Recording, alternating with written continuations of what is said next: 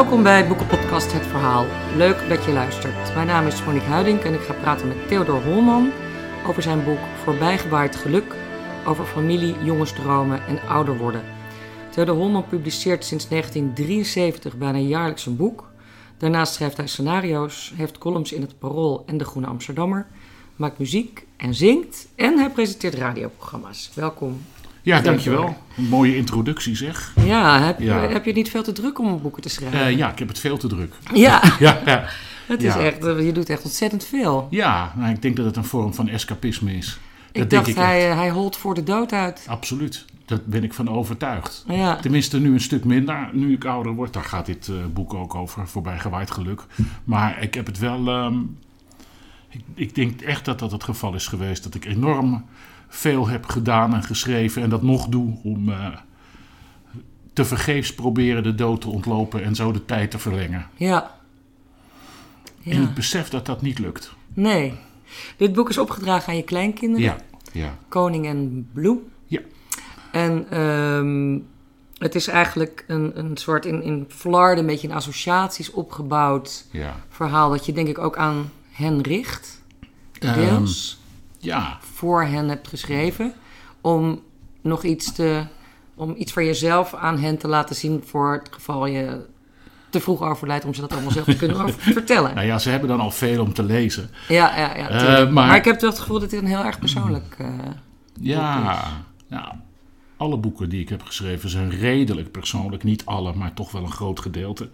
En dat, ik denk dat dat te maken heeft met het feit dat ik stam uit de tijd dat de bekentenisliteratuur eh, bijzonder populair was. Namelijk jezelf als onderwerp maken eh, van eh, nou, de zaken, de dingen die je schrijft. En dat had ook te maken met dat ik heel veel leuke leraren heb gehad, waaronder bijvoorbeeld iemand als Willem Wilmink. En, maar ook hield van de auteurs die dat deden, zoals eh Gerard Reven, die vond ik fantastisch. Nessio vond ik fantastisch. Elschot vond ik fantastisch. En dat zijn toch, ik noem maar even deze auteurs. Ja. Maar eh, ik, ik vind helemaal niet dat ik in dat rijtje thuis hoor. Maar goed, het waren in ieder geval zijn dat auteurs en waren dat auteurs die ook, eh, vooral Reven dan, ook zichzelf als uitgangspunt hebben genomen. En eh, daar geprobeerd van, hebben om daar literatuur van te maken. ja. En dat is wat ik natuurlijk ook probeer, wat Ja. ik ook wil. In dit boek eh, gaat het, eh, naar mijn idee, in ieder geval ook over het feit dat je opeens opa bent Ja, geworden. En dat, Ja. je, dat je eigenlijk een beetje probeert te reconstrueren van wie ben ik nu op dit moment op mijn ja. 64ste is ja, het, denk ik. Ja, ja, En vergeleken bij hoe ik vroeger was. En een beetje spiegelend aan je ouders, aan je kleinkinderen, aan je dochter. ja, ja. Om hem zo'n portret te maken, min of meer. Het is niet heel letterlijk zo, maar Nee. in gedachten en in bespiegelingen. Van wie, ben- waar sta je nu als waar sta opa Theodor? Nou ja, kijk, ik had op het moment dat, en zo begint het boek ook, op het moment dat mijn dochter bij me kwam met haar vriend en zij een echo liet zien, eh, waarvan ik nog eerst niet door had wat het was. Maar goed, ik begreep toch al vrij snel dat ze zwanger was. En eh, op dat moment besefte ik dat ik grootvader zou worden, opa. En Je ligt dan met een kater ik half naakt in bed. Ja, ja, ja, ja, dat is zo. Dat was zo in Ja. ieder geval. Ze maakt je wakker. Ze maakt me wakker. Je schrikt eigenlijk wakker. Ik je- schrik wakker. En je inderdaad. zegt al, die eerste zin is ook meteen, gaat meteen over de dood.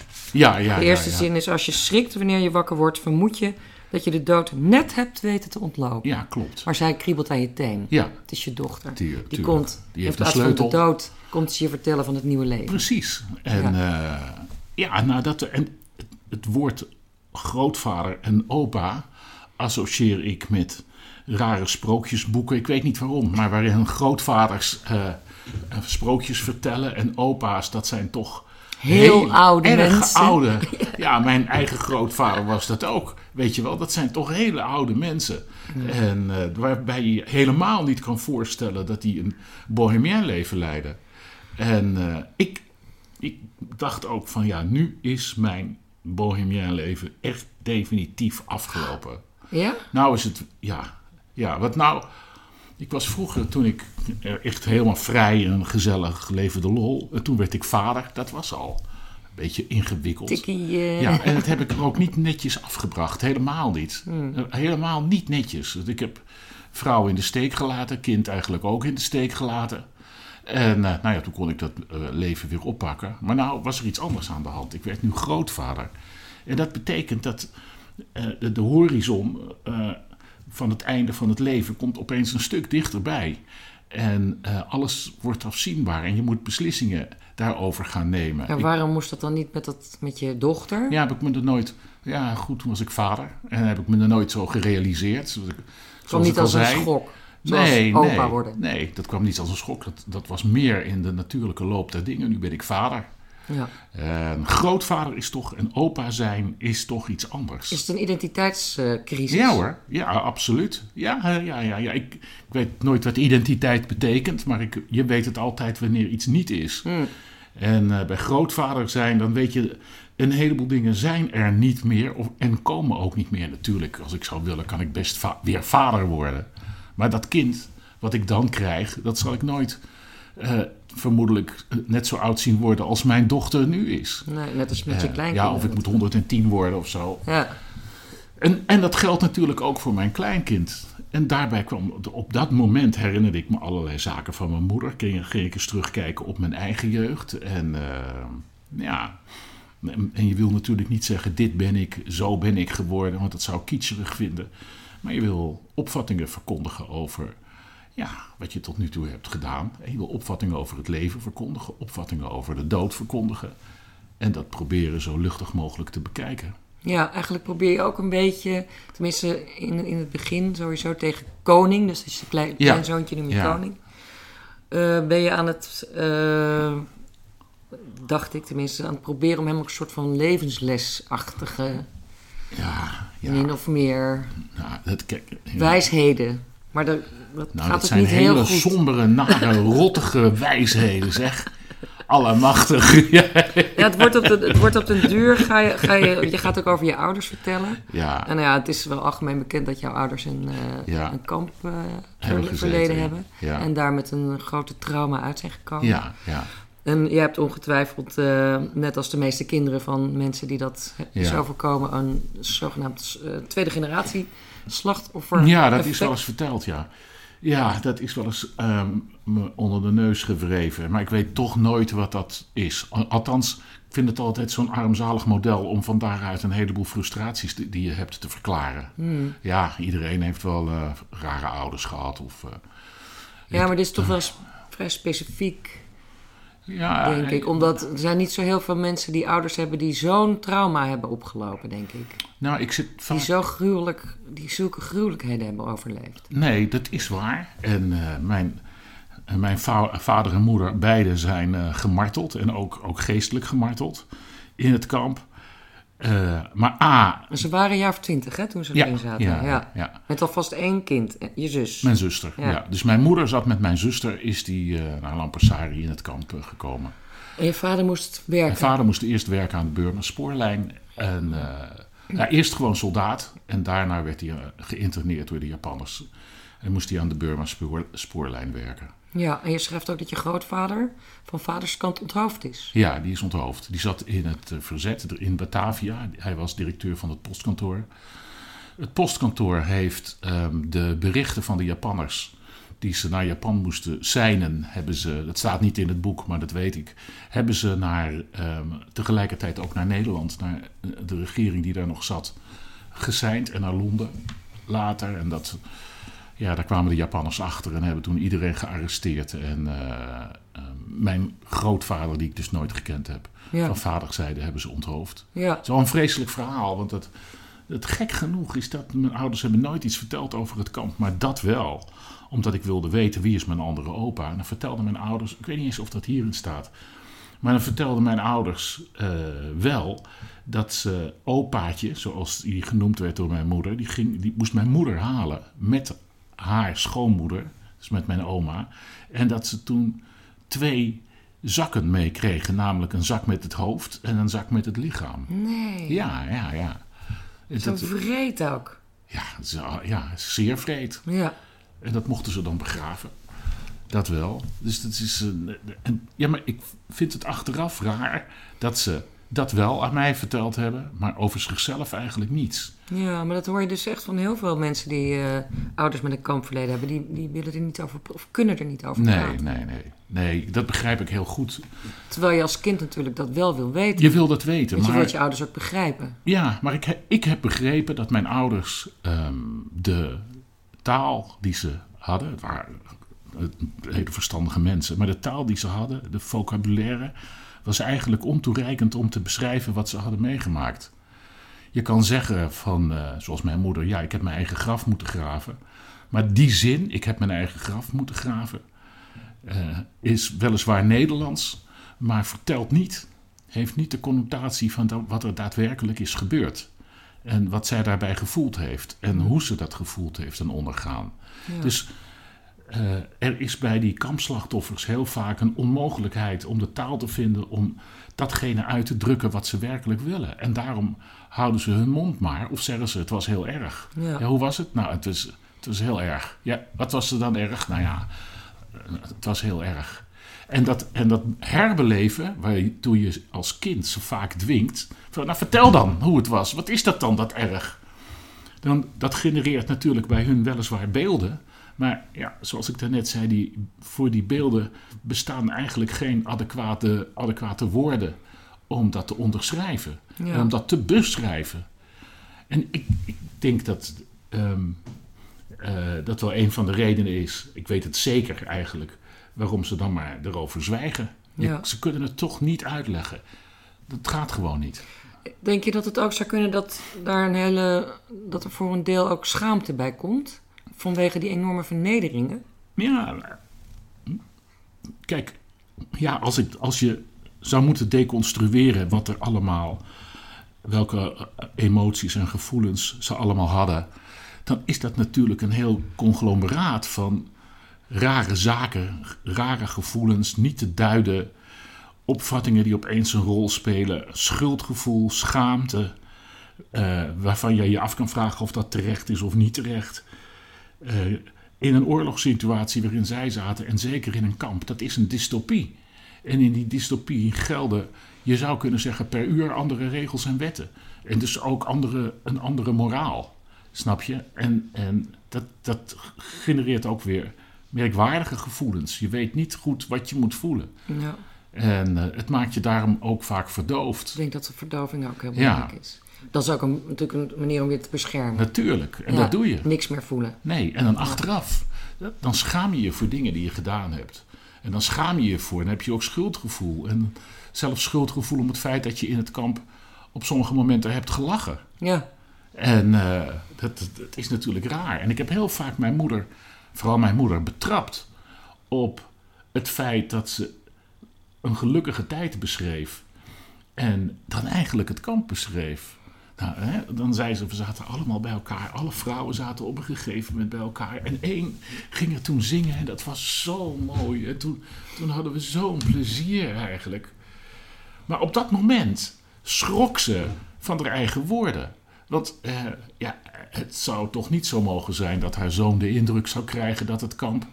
terwijl ik dat heel begrijpelijk vind. Ja, het is ook heel begrijpelijk. Maar Ja. dat wou ze niet. Want ik, als je zo'n spanning voelt, dan ben je gewoon even heel blij Ja, ja. dat er iemand gelukkig even gaat zingen. Ja, maar de Een context ontlading. vertelde zij er niet bij. Dus zij, en, en, en op dat moment merkte ik dat schuldgevoel, schaamte, het niet goed onder woorden konden, kunnen brengen wat je daadwerkelijk voelt. Dat liep op zulke momenten helemaal door elkaar heen. Ja, nou ik vraag dit natuurlijk ook omdat jij in dit boek beschrijft dat schaamte jouw eh, Mhm. kernemotie is. En eh, denk je dat, zou dat erfelijk kunnen zijn? Dat je dat voor een deel hebt overgenomen van je ouders? Ja, ik, dat, ik weet het niet. Ik weet het niet. Kijk, je, op het moment dat je je schaamt, dat is een moment waar, waarbij je zelf denkt dat je zwakste eigenschappen naar boven komen drijven. En eh, bijvoorbeeld als, als eh, iemand iets over je uiterlijk zegt, dan denk je, eigenlijk ben ik lelijk. En dan begin je je te schamen. Eh, want ja, je uiterlijk staat discussie. Of iemand die zegt, god, eh, wat ben jij dom. Dan begin je je ook te schamen. Want je denkt dat iemand je doorziet. En, je, eh, je, je kijkt altijd, dat is een vorm van vervreemding. Je, kijkt, Ja. je ziet jezelf altijd Ja. even op dat moment door de ogen. Van de, de kritische ander, ogen, de kritische- de afkeurende ogen. zeker. Van, de, van degene buiten totaal jou. gedissocieerd ben Ja. je. En eh, je kijkt naar jezelf en je ziet alleen het slechte in jezelf. En dat, daar heb ik enorm veel last van. Waar het vandaan komt, ik weet het niet. Het kan gewoon een opvoeding zijn geweest. Het kan, eh, ik, ik weet, het, het kan erfelijk zijn. Ik sluit dat niet uit. Ja. Ik weet het niet. Ik, ik, ik vind schaamte nog steeds een mysterie. Ook vooral omdat ik wel eens gelezen had dat dieren zich niet zouden schamen. Maar ik heb een hond gehad, die heb ik inmiddels alweer verloren, helaas. Maar soms was ik er echt van overtuigd. Echt van overtuigd dat die zich schaamde. Hm. Maar het is natuurlijk ook een vorm van zelfreflectie. Je kijkt, zoals je zei, je kijkt naar jezelf. En je bent het, niet, je, bent het er niet mee eens met wat je ziet. Ja, Nou ja, je leeft je vooral in in iemand die je als stom vindt.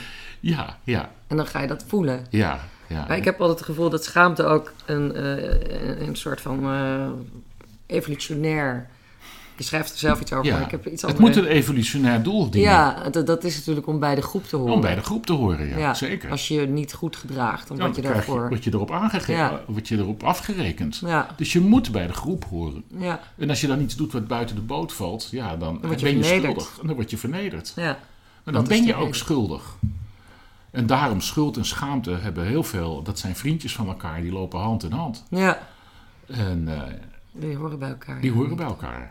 En wat ik zo interessant vind, is dat jij op een gegeven moment beschrijf je dat je met je vriend Willem, Willem speelt ook een belangrijke Ja, rol in ja. het boek. Ja, zeker. Die is eh, in, in de huidige tijd dat dit speelt, is die ziek. Ja, heeft een herseninfarct gehad of iets dergelijks. ja. Maar jij denkt dan terug aan dat je met Willem naar Parijs ging. ja. Jullie waren 17, 18 jaar Ja, of zo. ja, ja, ja. Helemaal het leven ging, zou, Ja. zouden jullie gaan aanvallen. En je was elke dag dronken. Jullie waren de hele dag aan het praten. ja, En je had besloten dat je een bohemien wilde worden. zeker. Ja, dat was echt een besluit. Ja, Dan was je pas vrij, als je dat was. maar dan val je helemaal buiten de groep. Dat vind ik zo interessant, dat Ja. schaamte van jou. Ja, nou ja, omdat je... Kijk, eh, Of was het een manier om dan te ontsnappen aan de schaamte? Het was, het was een manier om te ontsnappen aan de schaamte door totale vrijheid op te zoeken. En, natuurlijk niets meer van je iemand aan te trekken. Ja, dat probeerde je. Trek Ja. niets meer van iemand aan, dan ben je echt vrij. Vrijheid is trouwens altijd een, een, eh, een soort basistoon geweest in al mijn werk en in alles wat ik heb gedaan. Eh, Het gaat mij om vrijheid, zou je kunnen zeggen.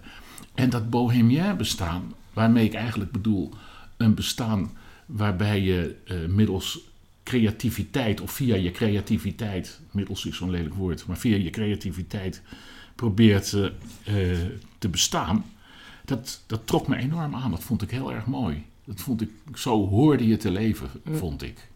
Dat is wat ik wilde zijn. Ja, Dichter, schrijver, zanger, muzikus. ja. eh, Ook omdat je bijvoorbeeld Reven al... Omdat je in Reven zegt Ja. van kijk, ja. zo, dat Zo, wil ik ook. dat is een dat schaamteloze van hem. Ja, dat schaamteloze. Ja. En eigenlijk ook hoe burgerlijk hij ook was, toch merkwaardig genoeg dat Bohemien bestaan had. Dat hij wilde lekker in een boerderijtje zitten in, eh, in eh, Friesland. en, Met twee eh, vriendjes. met twee En vriendjes. lekker wijn drinken. Ja, lekker wijn drinken. en, en dan mooie gedichten schrijven, mooie brieven schrijven, mooie Ja. boeken schrijven. En alleen dat en weg van de wereld. Ja, Terwijl je toch enorm bij die wereld ook weer betrokken bent op een of andere manier. Maar ja, die, die tegenstrijdigheid zoek ik altijd op. ja, Dat vind ik ook interessant. En dat vond ik ook bestaan om mijn eigen burgerlijke ouders natuurlijk, die angstig uit die oorlog gekomen waren en die niet goed wisten hoe ze moesten leven. Echt bijna letterlijk met hun handen in het haar zaten van hoe nu verder. Ja, daar wilde ik natuurlijk van weg. Daar wilde ik echt van weg aan ontsnappen. Hm. Had je ook niet een soort verstikkend medelijden met ze? Of was Eh, je boos op ze? Nou, nee, ik, ik, ik was wel, ik was boos, maar ik hield natuurlijk ook van ze. Maar ik vond het vooral voor mezelf inderdaad heel erg verstikkend. Ik, ik, hun eigen bestaan was zo dichtgetimmerd dat ik zin had om er aan te ontsnappen. Ik, ik wilde weg. En eh, op alle mogelijke manieren. Eh, Dat dat- maar heel anders doen. ja, anders. En dat Ja. deed ik ook met, met drugs en dat deed ik met, eh, ja, met muziek maken. En het, het was ook de tijd, denk ik wel eens, gaf er mij de gelegenheid voor. Door het was de opkomst van de Beatles en de Stones. En die muziek vertegenwoordigt voor mij nog steeds een vorm van vrijheid. En daarbij kwam het ook nog dat je door Reven kon je jezelf als onderwerp maken van uh, literatuur en je poëzie.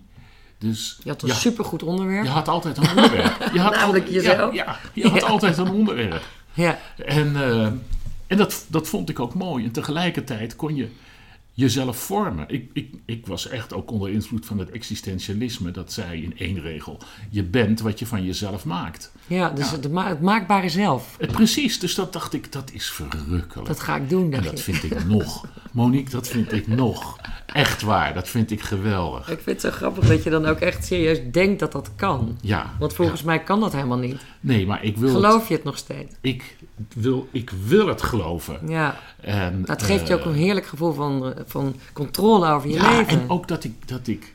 Het heeft mij ook altijd gemotiveerd, weet je, dat ik. Uh, ook al was het werk wat ik maakte volkomen troep en rotzooi. Maar ik was wel schrijver, want ik ben wat ik van mezelf maak. Dus als ik schrijf, ben ik schrijver. Hmm. Weet je? En uh, dat, dat hielp mij over een groot minderwaardigheidscomplex heen. Wat, wat ook een drijfveer is. Wie zich zo schaamt als ik, en volkomen terecht. Maar je kan niet anders dan een groot minderwaardigheidscomplex hebben, ook terecht. Dat zal wel met elkaar te maken hebben. Zeker. Ja. En, uh, en dus vond ik het. Uh, vond ik dan zo'n uitspraak van Sartre en dat hele existentialisme vond ik geweldig, dat maakbare zelf. Ja, ja we gaan, ik ga nu mezelf maken. Ja. Heerlijk. Ja. En op wat voor soort bodem ging je dat dan maken? Of had je daar niet over je nagedacht? Wat Nou, welke grond, vanaf welke grond ging je jezelf opbouwen? Nou, of was dat gewoon iets heel totaal nieuws? Ja, Je gewoon. ging jezelf heel heruitvinden. Nou, nee, maar eh, datgene wat ik meemaakte moest het onderwerp zijn. En dat vond ik dan ook heel belangrijk. Wat natuurlijk achteraf niet zo belangrijk is.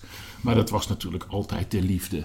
En eh, ja, kijk, als je jong bent en je vindt de liefde niet belangrijk, dan hoor je opgesloten te worden in het gekkenhuis. Ik ken niemand die dat niet... Nee, dus dat vond ik zo belangrijk. raar, en, eh, en daar vond ik ook mijn vrienden. Dus, eh, en mijn vriendinnen. Dus dat, als je het hebt over de humus, dan is dat zeker de humus geweest. En natuurlijk kwam daar steeds meer die gestoordheid van mijn ouders en mijn eigen. Want ik ben natuurlijk ook niet goed bij mijn hoofd. En ik, en, en ja, dus dat. dat dat een komt soort zelfontdekking eigenlijk. Niet zozeer maken, maar ontdekken. Ja, ja, ja, ja, Ja. ja. Ik heb, altijd, ik heb mezelf altijd door het schrijven ontdekt. Ja. Door het schrijven en het formuleren. Ik vind formuleren eigenlijk belangrijker dan nadenken. Dat nadenken, dat, is, dat komt dan vanzelf wel. Een Ja. mooiere formulering vind ik belangrijker dan, dan de juistheid van mijn opvatting. Ja, ja, ja. Wat ik ook zo geestig vind, dat je toen je jong was, dat je er heel graag oud wilde zijn. ja. Ja. En nu ben je oud en nu, nu begrijp je helemaal niet, nu val je niet meer goed samen met het feit dat je opa bent. Nee, maar ik geloof ben- dat ik nog nooit goed ben samengevallen met eh, mezelf. Je wil echt nog nooit, nog nooit. Ik, wil, ik, je wil, ik, ik wilde gezien worden en ik was een hippie, echt een hippie. Maar ik rookte pijp, omdat Sartre een pijp rookte. Nou ja, ja, moet je niet lachen, het is echt waar. Oh, wat grappig. En, eh, en ja, zo, en dat, dat, Maar je wilde ook, schrijf je in dit boek, je wilde ook schrijver worden om gevoelens te leren kennen. Ja, schrijf je letterlijk. ja, dat Dus is... je eh, moet dan over jezelf ook het gevoel hebben gehad dat je geen gevoelens had. Of nee, zoiets. Dat is, dat is precies wat ik. Waar we het daar net over hadden met mijn ouders die niet goed ehm, Ja. onder woorden konden brengen wat hun gevoelens Dat heb je waren. natuurlijk niet van hen kunnen leren. Ik heb het niet, vind ik, denk ik, niet goed kunnen leren. Kijk, het, ik, eh, dat is denk ik ook de reden waarom ik journalist ben geworden. Om dat te onderzoeken en om te kijken waar zich de woorden bevinden eh, die je daarvoor nodig had. Maar dat geldt zeker voor, dat geldt zeker voor gevoelens. Ehm, ik, ik, nog steeds tot op de dag van vandaag weet ik niet goed wat gevoelens zijn. En juist het feit dat ik daar moeilijk mee, moeite mee heb. Ik denk dat iedereen daar moeite mee heeft. Want anders zouden dichters eh, niet goed meer weten waarover ze zouden moeten dichten. Die, als we zouden weten wat liefde is en dat precies, dan kon ik tegen jou zeggen liefde. En dan wist jij precies wat ik bedoelde. Dat is niet zo. We, we zijn voortdurend bezig dat steeds maar weer op, op, op verschillende manieren te formuleren. Juist omdat we niet goed weten hoe we gevoelens eh, moeten omschrijven. En misschien bestaan die gevoelens wel helemaal niet. Maar bijvoorbeeld wat, er jou, wat je beschrijft in het boek, wat je vader eigenlijk overkomt. Die vertelt op een gegeven moment, of jij laat het hem vertellen, of jij vertelt het, dat hij niet heeft gehuild over de dood van zijn onthoofde vader. Ja, natuurlijk. maar wel over die Maar hond. wel omdat hij een hond moest achterlaten. Ja, ja, ja. dat is natuurlijk heel sentimenteel. Ja, En jij sch- schrijft zelf ook dat je eigenlijk ja, enorm sentimenteel iemand bent. En ja, dat, dat klopt. sentimentaliteit is natuurlijk, denk ik dan, een lichte variant van emotioneel, emotioneel zijn. En misschien ook bedoeld om emoties af te dekken. Sterke emoties, zoals woede, verdriet. Ja. Grote emoties dek je af met sentimentaliteit, denk ik. Ja, het is, Zegt je dat iets? Nee, om eerlijk te zijn. Eh, ehm, ik, ik weet nog niet wat grote emoties zijn. Ik ken natuurlijk wel. eh, ik ken natuurlijk wel verdriet. En ik ken natuurlijk ook wel liefde. En ik weet het. Maar. En ik ken angst, zeer zeker. Maar. ehm, zoals ik het zeg, is het niks. Dat is een. Zoals ik het zeg, ik ken liefde en angst. En, Hm. eh, dat is een krantenkop. Maar je weet niet wat het bericht daaronder is. En eh, dat is wat ik heel graag natuurlijk zou willen weten. Eh, bij, wanneer mensen eh, gevoel, over gevoelens hebben van ik voel me eenzaam. eh, Theodor, luister nou eens, ik, ik voel me ontzettend eenzaam. Dan weet ik eigenlijk nooit goed wat ze bedoelen. Hm. Ik, ik heb daar een intuïtie over, maar wat ze echt voelen, weet ik niet. Dat is iets waarom je er ook constant naar vraagt. Maar wat voel je dan? eh, en, Maar je zegt zelf op pagina 9... Ik ben nooit eenzaam geweest, maar heb me Nee. wel altijd eenzaam gevoeld. Ja, ja. Ja, dat is, dat is tegenstrijdig. Kijk, je, Ja. weet dus dat je, je weet dus dat je eenzaam voelt. Hè, dat je, dat, dat je dat, wat je voelt, dat mensen dan zeggen dat is eenzaamheid. Maar tegelijkertijd zijn er, heb je er geen recht op om dat te voelen.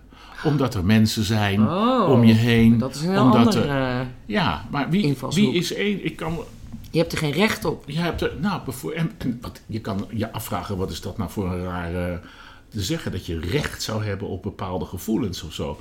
Maar dat is toch wat je in de echo van de manier waarop je leeft heel vaak teruggekaatst krijgt.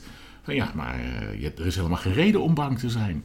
Of er is helemaal geen reden om je eenzaam te voelen. Er is helemaal geen enkele reden om nu, nu depressief te zijn. Maar ik vind het wel interessant dat je het ver- verbindt met recht. Alsof, het Ja. een, alsof, het, alsof een ander moet bepalen dat hey, jij mag. Nu mag jij wel eenzaam zijn, Theodor, want. Dit of En dat. de andere- Je bepaalt het toch zelf? Ja, ik is een ander. Zoals we het al hadden over die, de, de gedissocieerde persoonlijkheid Ja. waar je last van hebt, waar ook die schaamte uit. Ik weet wel wat schaamte is, maar ik, nogmaals, ik weet het bericht wat daaronder zit niet. Hmm. En ik weet wat ach, angst is. Maar soms, dat is, alle angst zal levensangst en doodsangst zijn. Maar ook daarvan weet ik niet eh, wat er in die doos zit die eronder verborgen ligt. Nee. Dus, eh, en wat er in dat pakketje zit. Dus dat, dat, dat, eh, dat is ook de reden waarom ik schrijf, om dat te onderzoeken. De Ja. reden waarom ik journalist ben, om dat bij anderen te onderzoeken. En, en graag zelf ook interview, om daarbij andere mensen achter te komen. Om daar iets van te leren. Om daar iets van te leren. Nou ja, Ja. te leren, te leren, ja. Ja, kijken hoe lossen zij een bepaalde situatie op. Ja, ja. En eh, ik, ik kan niks meer leren, maar ik ben wel nieuwsgierig naar hoe, dat, eh, eh, hoe, die, hoe- die wekker inderdaad tikt. Dat wil ik, dat, dat wil ik zien, dat wil ik begrijpen in Hmm. ieder geval. Maar als je het zo zegt, dan, heb je, dan krijg ik niet de indruk dat je. Of ik moet het vragen. Ben je in de loop der tijd wel dichter naar hè, die, die heilige graal van wat zijn mijn eigen gevoelens eh, terechtgekomen? Nee, ja. Nou, in ieder geval heb ik een. die heilige graal van gevoelens, die bestaat niet, denk ik. En, Of heb je de eh, zoektocht opgegeven? Nee, ik heb de zoektocht niet opgegeven. Ik geloof dat het onzin is om te spreken, in mijn geval, om. eh, ik, ik, ik, ben niet, ik ben niet rijk begiftigd met een eh, rijk geschakeerd gevoelsleven. Dat ik daar. Dat, dat ik schrijf en dat de, mijn schrijfsels wel eens de indruk wekken dat ik dat wel heb. Ja, daarom ben ik schrijver geworden. om dat zo te doen dat er een gevoelige context bestaat, of een gevoelige subtekst moet ik zeggen. Nou, je wil de gevoelens leren kennen. Dat Ik wil- schrijf je letterlijk. Ja, ja. Dat denk je ik wil ze leren achter- kennen. Ja. Maar dat betekent, niet, dat betekent dat ik ze nog niet ken. Ja, En ik moet steeds maar nog altijd dingen- niet. Ja, nog altijd. Ja, maar je, hoe kan ik dit nou illustreren? Ik kan het illustreren aan de liefde, maar ook. Ik heb, laten we zeggen, drie, vier grote liefdes in mijn leven gehad. Elke liefde was weer anders dan de vorige liefde. Terwijl ik wel van die vrouwen hou en hield. Ja, maar Dus- dat vind ik heel normaal. Ja, nou, maar dan weten we dus niet wat liefde is. Dat heb ik ook zelfs met honden. Ik, ik, heb, ik heb enkele honden gehad en elke hond was weer anders. En daar hou je op een andere manier van. Terwijl je dus niet kan zeggen, nou, ik hou van honden. Ja, wel, Het kent vele schakeringen. juist, dat kent heel veel. En daarom kan je er dus zo weinig over zeggen. Wil je die- per se dat het rood is of groen? nou ja, dat zou het leven wel een stuk eenvoudiger maken. Dat is echt waar. Want waarom? Omdat je dan minder onzeker hoeft te voelen over je eigen gevoelens en over de gevoelens van een ander. Hmm. Ja, dan kan je zeggen, ik hou van jou en dan weet de ander meteen wat dat betekent. Terwijl als je Want nou er gaat zegt, hier een rood jou... lampje branden of Ja. een groen... eh, gaat, eh, ja, En nou moet je uitkijken dat je niet Dat meteen zou een veroordeling achter je kop krijgt. Weet je, dat, dat zou toch vreselijk saai zijn. Dat is toch helemaal niet leuk? het zou saai zijn en niet leuk. En daarom zijn, eh, zijn er kunstenaars om dat voortdurend weer te kijken. Maar ik, ik, ik, ik weet niet hoe het in elkaar steekt. Ja. Ik weet het niet. Maar je titel Voorbijgewaaid geluk...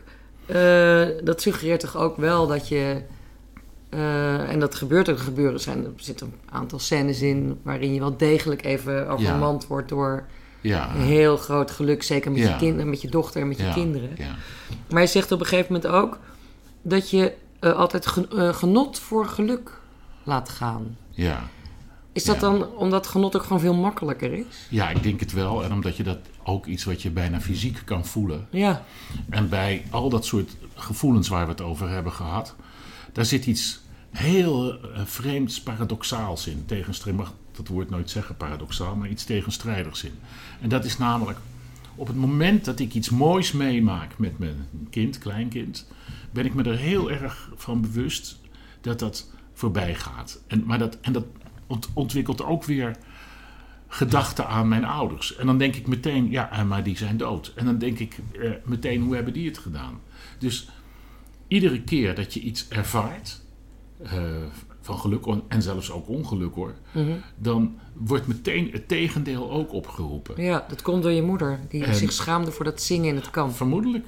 En eh, zo ben je dus de hele tijd Je bent bezig. zelf met, verkeer, met twee tegenstrijdige... Ja, twee Emoties. zielen leven ook in mijn borst, maar, Ja. maar continu en constant. En eh, dat, dat, dat vind ik leuk, of leuk om dat ook te onderzoeken. Maar hoe komt dat nou? Dat is ook een beetje de opzet van het boek. Mhm. Het boek dat, dat, dat is echt een heel groot sleepnet van paradoxale emoties geworden. Ja, ja klopt. Dat in feite...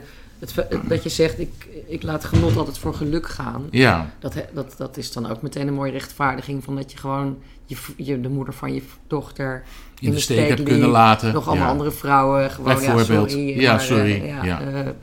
Hè, Ja. genot. Maar het is wel zo. Het is wel zo. Ik Ja. weet dat als jij het hebt in het begin van het gesprek over... is dit nou een les die je je eh, kleinzoon zou willen leren? Ja, nee, maar ook ja.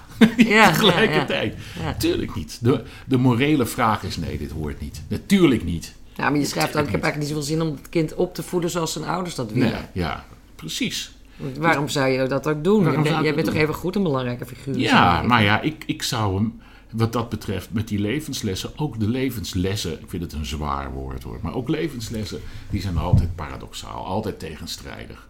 Ik wil dat hij zoveel mogelijk genot heeft, maar ik wil ook dat hij geluk is. Ja, En welke voorwaarden, misschien moet je wel een heel moreel juist leven leiden eh, eh, om, eh, om gelukkig te zijn. Dat weet ik niet. ik ook niet. volgens ik weet het ook niet niet. per se. Daarom zeg ik ook misschien. Ja. Ik weet het niet. Ik heb Nee. geen idee. Ehm, die, die, die schaamte, dat boek gaat voor een deel ook over de dood. Of eigenlijk hoe jij je van mening gaat veranderen. Of je anders tegenover de dood gaat opstellen. Ja, in de ja. loop van, nou wat zou het zijn, een jaar vijf of zo in dit Ja, boek.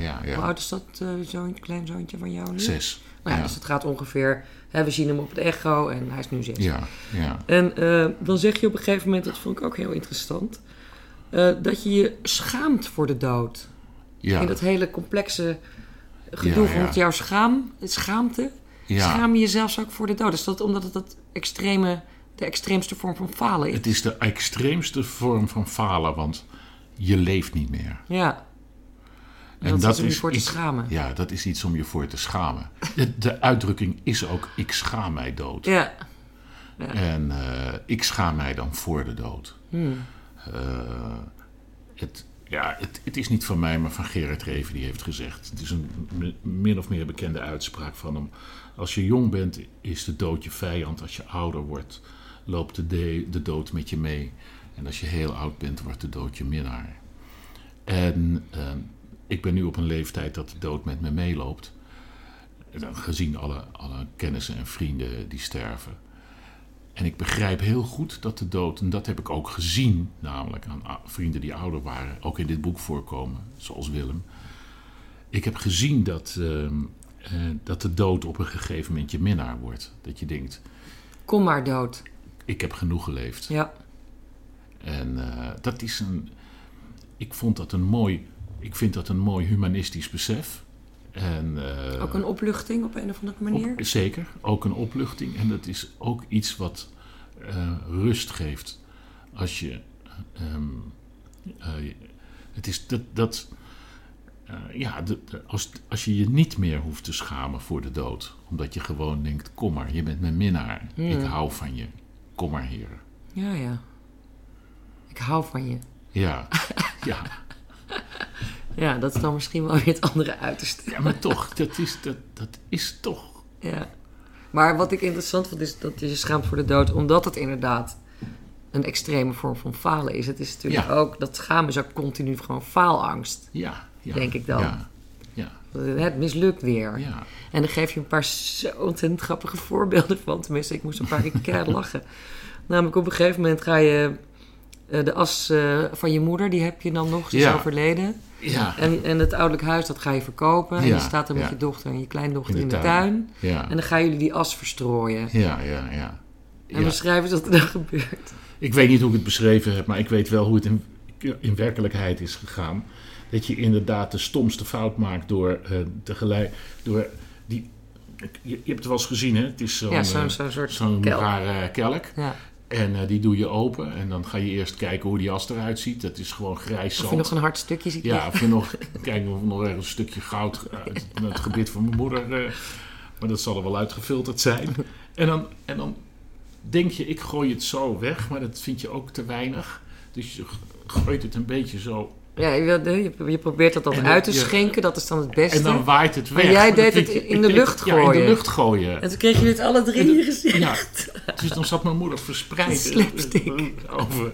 Ja. Maar ik zal je daar nog eens wat over vertellen. Ik weet niet of dat... Dat is echt gebeurd. Ehm, eh, die urn die ik had en mijn moeder... Die is op een gegeven moment... Had ik daarin zitten kijken. En eh, nou, eh, niet zo goed dicht gedaan. Waarschijnlijk, want er zit zo'n raar plat deksel op. Ja. En eh, toen heeft... Ik had drie katten. En mijn moeder is gestorven in het jaar 2000. En toen had ik ook die drie katten. En die renden door het huis. En die hebben toen een keer die urn van de piano, waar die op stond, laten vallen. toen was er een gewoon... Oh, toen heb je er weer moeten terug opvegen. Dat heb ik niet gedaan. Ik heb gewoon de stofzuiger genomen.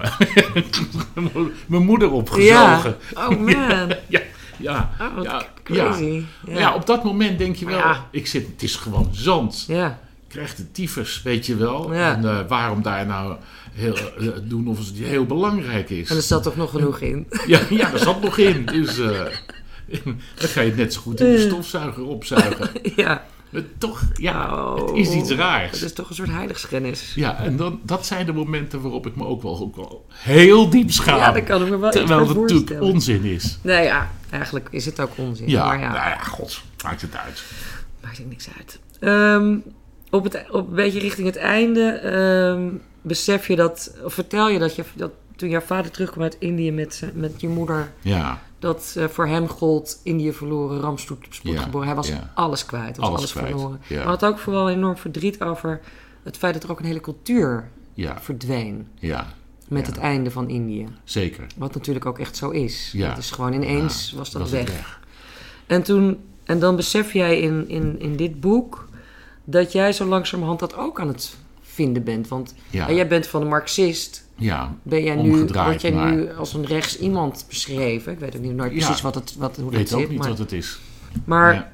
dat gevoel van dat, dat je cultuur aan het verdwijnen is, dat heb jij dus vrij sterk nu. Ja, Net als je ik, vader dat had. Hoewel hij daar echt een serieuze aanwijzing voor had. Heb jij dat denk ik minder, maar of heb je dat toch wel?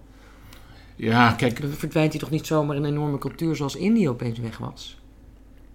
nee, maar dat is wel iets waar ik bang voor ben. En, Hmm. eh, ehm, het is een heel moeilijk. eh, kijk, wat is cultuur op een bepaald moment? Zijn dat de tradities die je eh, hebt ontwikkeld? Zijn dat de, de- laat ik, ik zeggen, voor mij zijn dat de, de rijkdommen van, de, van de, de kunst op een bepaald moment. De poëzie, de literatuur. Ja, bijvoorbeeld dat. Reven niet meer wordt gelezen of nou. Bijvoorbeeld, Dat Leven zou wordt niet meer gelezen. Hermans wordt niet meer gelezen. Nou, Maar al mijn helden, Monique worden niet meer gelezen. Eh Isra Meijer wordt niet meer, er wordt niet meer naar de interviews van, van eh, Isra gekeken. Nog zijn boeken worden gelezen. Nou, dat geldt ook voor mensen als mindere goden. Of mindere goden, ja, mindere goden. Bob den Uyl, eh, bijvoorbeeld, waar ik erg om heb gelachen. Maar ook Martin Bril zie ik opeens bij de uitverkoop liggen. Dus betekent dat dat het niet gaat meer snel. gelezen wordt. Ja. Het Maar er gaat komt natuurlijk ook snel. steeds nieuw, nieuwe boeken, nieuwe informatie, Ja. nieuwe cultuur bij. Ja, natuurlijk. Het komt- ligt ook natuurlijk wel een beetje aan je leeftijd. Maar dan, ja, daar komt erbij. Eh, maar dat betekent wel dat ik zie dat mijn cultuur in ieder geval aan het verdwijnen is. Hmm. Niemand leest meer Karel van het Reven, ook niet meer. Gerard Reven, ook niet meer. Ja, Boudewijn staat het, staat niet nog meer. steeds op lijst uh, Ben je gek? middelbare school? Ja, nee, een stukje misschien. Hmm. In een boek, Nederlands, dit moet je leren. Maar echt, daar hoort cultuur over te zijn. Daarmee bedoel ik, nu valt het in het geval van Karel nog wel mee. Maar er bestaat alleen een beetje cultuur als er weer een nieuwe biografie uitkomt. Maar er horen essays over geschreven te worden. Er horen zaken. eh, eh, ja, het hoort voortdurend. Het hoort een rol te spelen in ons bestaan. Dat is pas een mooie cultuur. Ja. Als je die hebt, dat het een rol speelt in je bestaan. Dat je de, de gedichten uit je hoofd kent van, eh, of sommige regels van Vondel. En ja, dat je dat ook hebt met, met Elschot. En, en inderdaad met Reven. En inderdaad met, bij wijze van spreken, Hermans. En inderdaad met, eh, ja, noem maar op. Dat, je, dat, dat maakt ook dat je een gemeenschap bent. En als er steeds nieuwe dingen komen, ja, dan hoor ik niet meer bij die cultuur. Dan zie ik mijn cultuur in ieder geval verdwijnen. Ja, Ehm, ik denk... Kijk, want er worden natuurlijk ook steeds opnieuw mensen geboren. Net als jouw kleinkinderen. Die, kennen Ja, ook, die ja. hebben nog geen idee wie de hele vondel is. En eh, je wordt zelf steeds ouder. Ik heb het gevoel dat dat een natuurlijk proces is. Dat je, naarmate je ouder wordt... bedoel, niet jij alleen, ik ook... dat je het gevoel hebt van, hè, verdorie, weet je wel... eh, ja, dat Ja. Al de, ik, en eh, nu komt opeens weer... hoe heet dat programma ook weer? De Vuilbeltjeskrant komt nu opeens Ja, terug, ja, bijvoorbeeld. Nou, ik was daar net te oud voor... of nee, dat was ongeveer wel in mijn vro- vroege jeugd. Maar eh, dat komt dan weer terug. Dat is Ja. dan heel grappig, weet je wel. Dat is dan voor kleine kinderen natuurlijk alleen maar interessant. Ja, Maar naarmate je ouder wordt, gaat het natuurlijk vanzelf.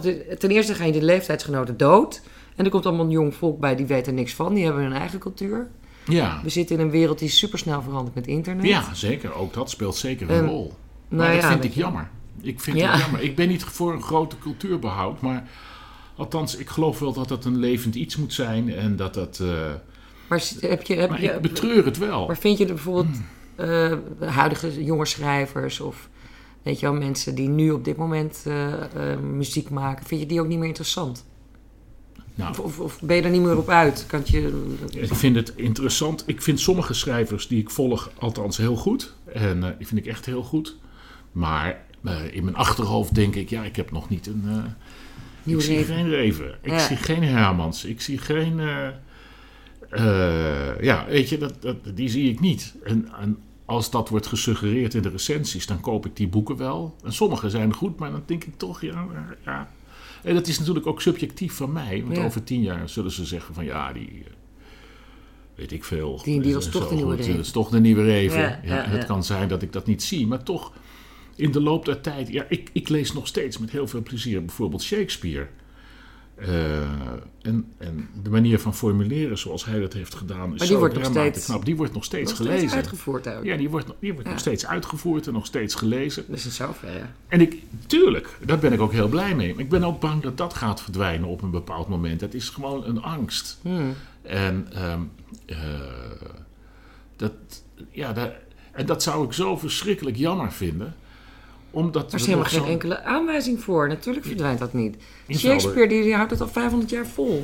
Weet je hoe lang het is? Of dat 600? is zeker. Ik weet het. dat is heel erg lang. En, Ja.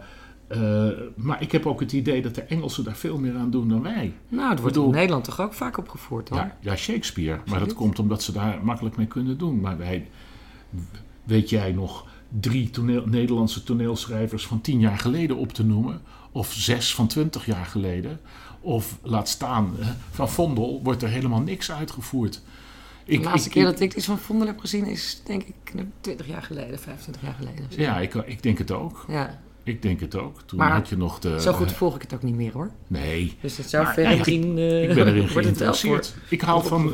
Mijn hobby is een beetje om, om, eh, om te kijken wat eh 17e eeuwse schrijvers... en vooral dan die in Amsterdam wonen, hebben gedaan. Dat vind ik leuk. Hmm. En eh, eh, ja, het is eigenlijk ongelooflijk zonde... dat we daar niets meer van weten. Daar zitten zulke leuke dichters en schrijvers tussen. Het is moeilijk te lezen omdat het dat middeleeuws... eh, dat middel-Nederlands is. Maar met een mooie hertaling. Het is net gebeurd eh, in België met een Belgisch auteur. Ook uit, die, uit de 17e eeuw heeft Rick de Leeuw het gedaan. Maar dat is, dat, dat, is een hele rijkdom die daar nog ligt. Waar we niets aan doen.